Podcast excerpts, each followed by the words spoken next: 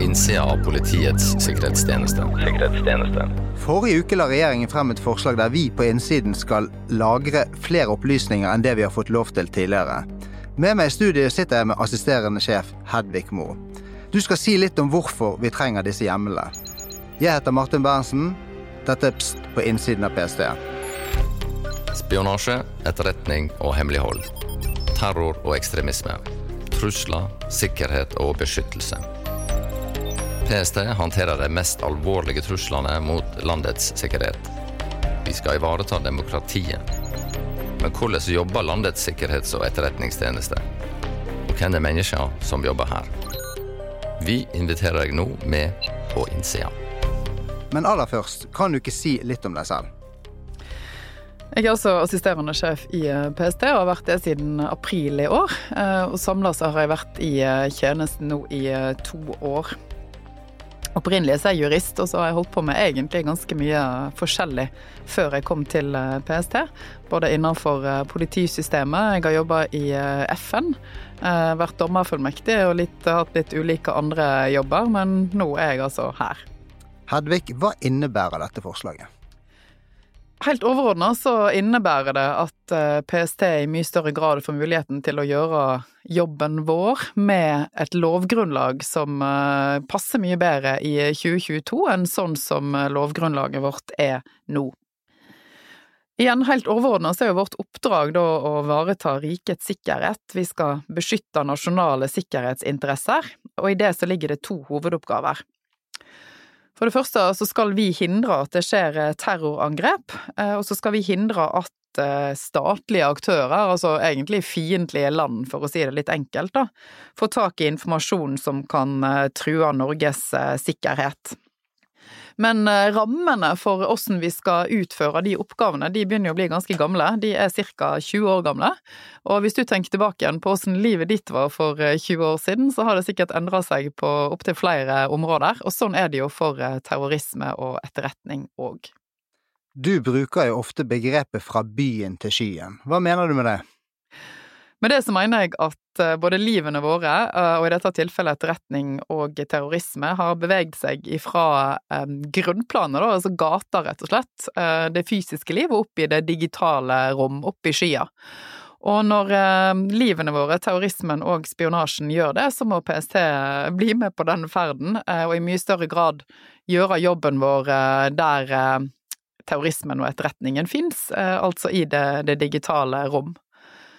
Så er det for så vidt viktig òg å si at uh, det er jo ikke sånn at uh, terrorangrepene rent fysisk på bakken forsvinner, og det er heller ikke sånn at uh, overlevering av statshemmeligheter i brune konvolutter forsvinner, men det har rett og slett blitt et mye større og mye mer komplekst bilde, der det som vi kjente for 20 år siden fortsatt består, men har blitt mye større og bredere ved at det har kommet nye metoder, for å kalle det det, da, både innenfor ekstremisme og etterretning. Men hvis vi skal prøve å konkretisere det litt, hva er det PST må forberede seg på å gjøre nå hvis dette, hvis dette lovforslaget får gjennomslag på Stortinget? Det er egentlig to deler av det. Jeg kan først begynne med den delen som har å gjøre med at vi får lov til å lagre informasjon fra nettet, egentlig. Det dreier seg om offentlig tilgjengelig informasjon, så det som eh, meg og deg egentlig ser sjøl når vi går inn på nettet. Vi får ikke muligheten til å lese e-postene dine eller andre sine.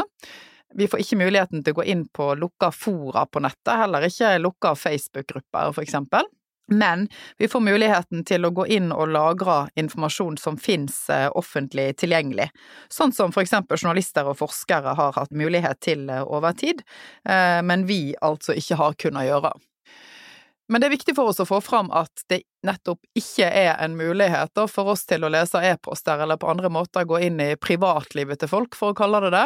Eh, hvis vi skal gjøre det, så er det de samme vilkårene som gjelder med de nye hjemlene som det gjør per i dag. Altså, hvis vi skal følge enkeltpersoner, så må vi gjøre det på samme måte og med de samme rettssikkerhetsmekanismene og når vi får disse, forhåpentligvis får disse hjemlene, som vi gjør per i dag.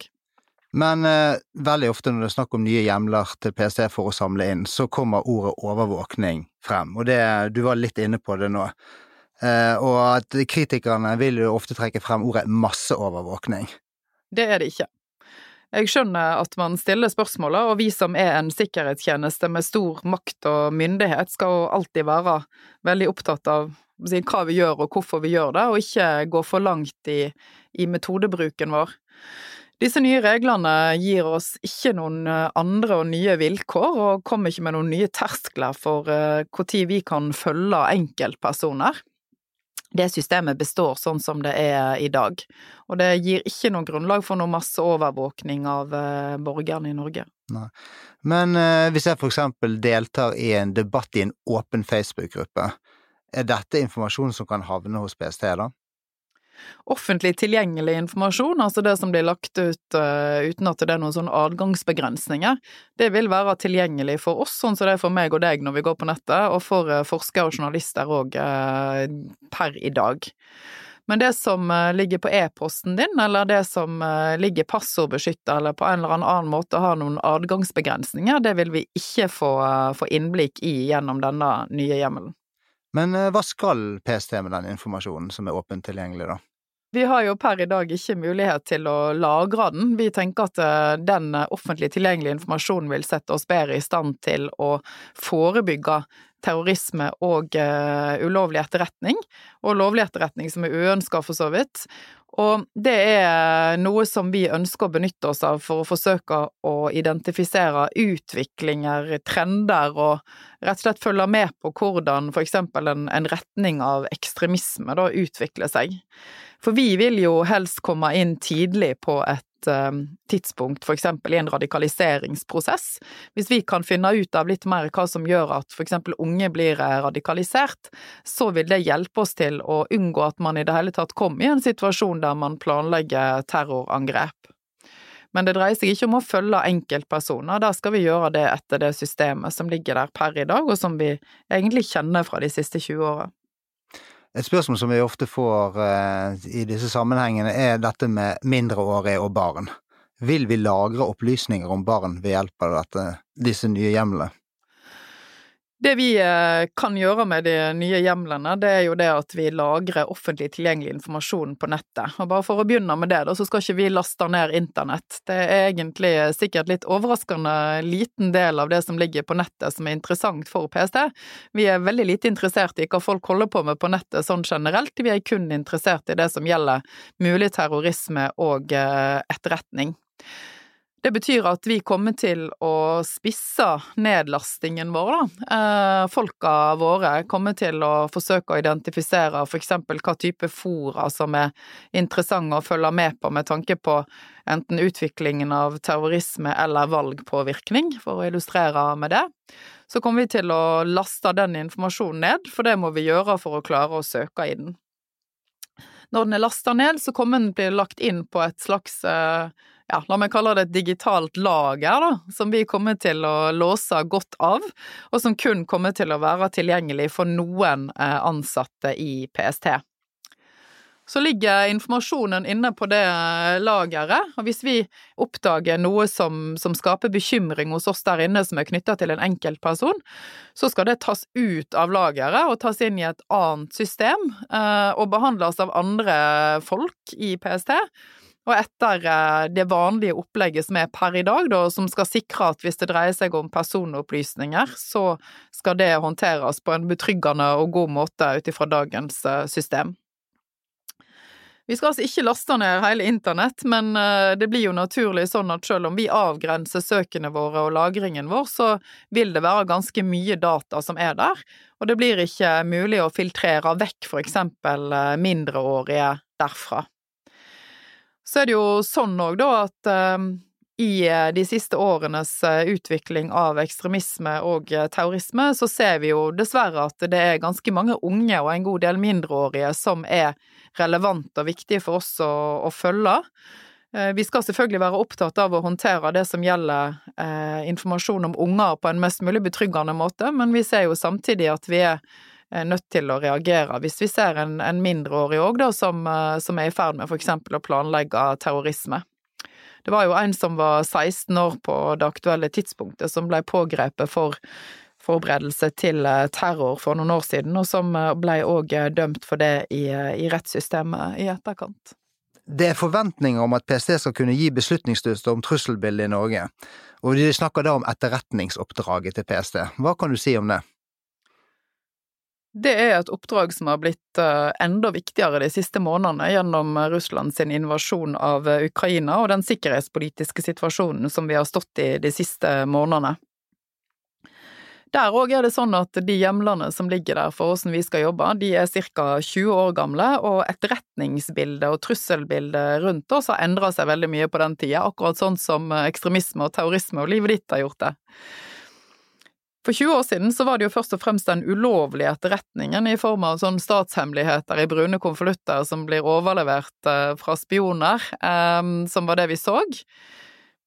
Nå er det blitt et veldig mye bredere bilde. Det er ikke bare den eh, tradisjonelle, klassiske, ulovlige etterretningen som eh, vi er opptatt av, men òg nettverksoperasjoner, altså egentlig hacking, datainnbrudd, som òg for så vidt er ulovlig, men som jo er digitalt og ikke fysisk. Og så er det et, en enda større bredde i den virkemiddelbruken som statlige aktører, altså fiendtlige land, bruker mot oss, og som, som er en del av etterretningsbildet.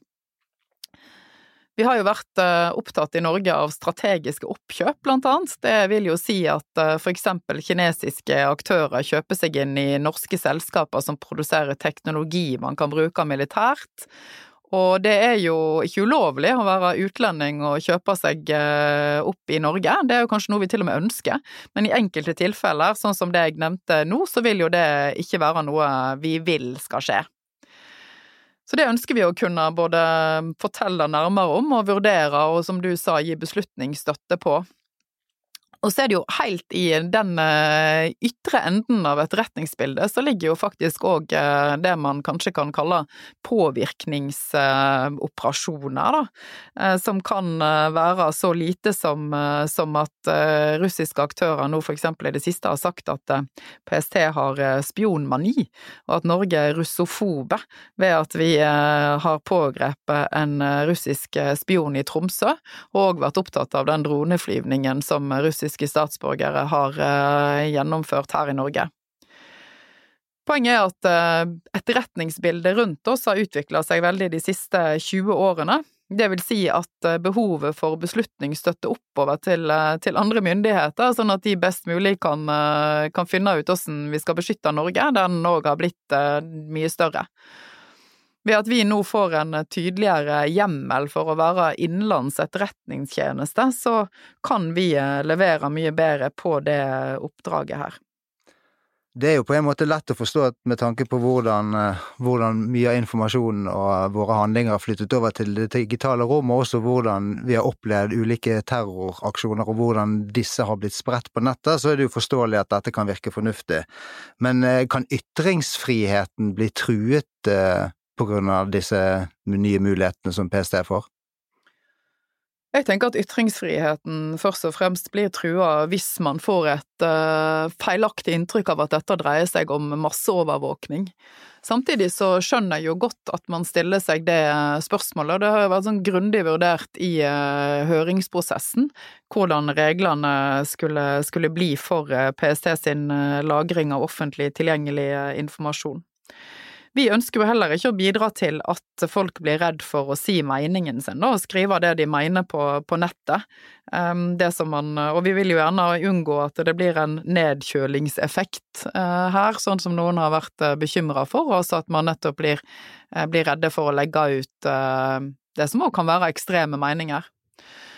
Der er det jo viktig for meg å få fram at eh, PST ikke skal være et meningspoliti. Det er lov å ha ekstreme meninger òg, men det er ikke lov å, å nærme seg voldsbruk da, med bakgrunn i, i, de meningene. Men det er først da vi kommer inn i bildet. Så vår bekymring eh, og vår oppfølging av en enkeltperson vil være knytta til eh, at vi er redde for at det faktisk skal skje terror.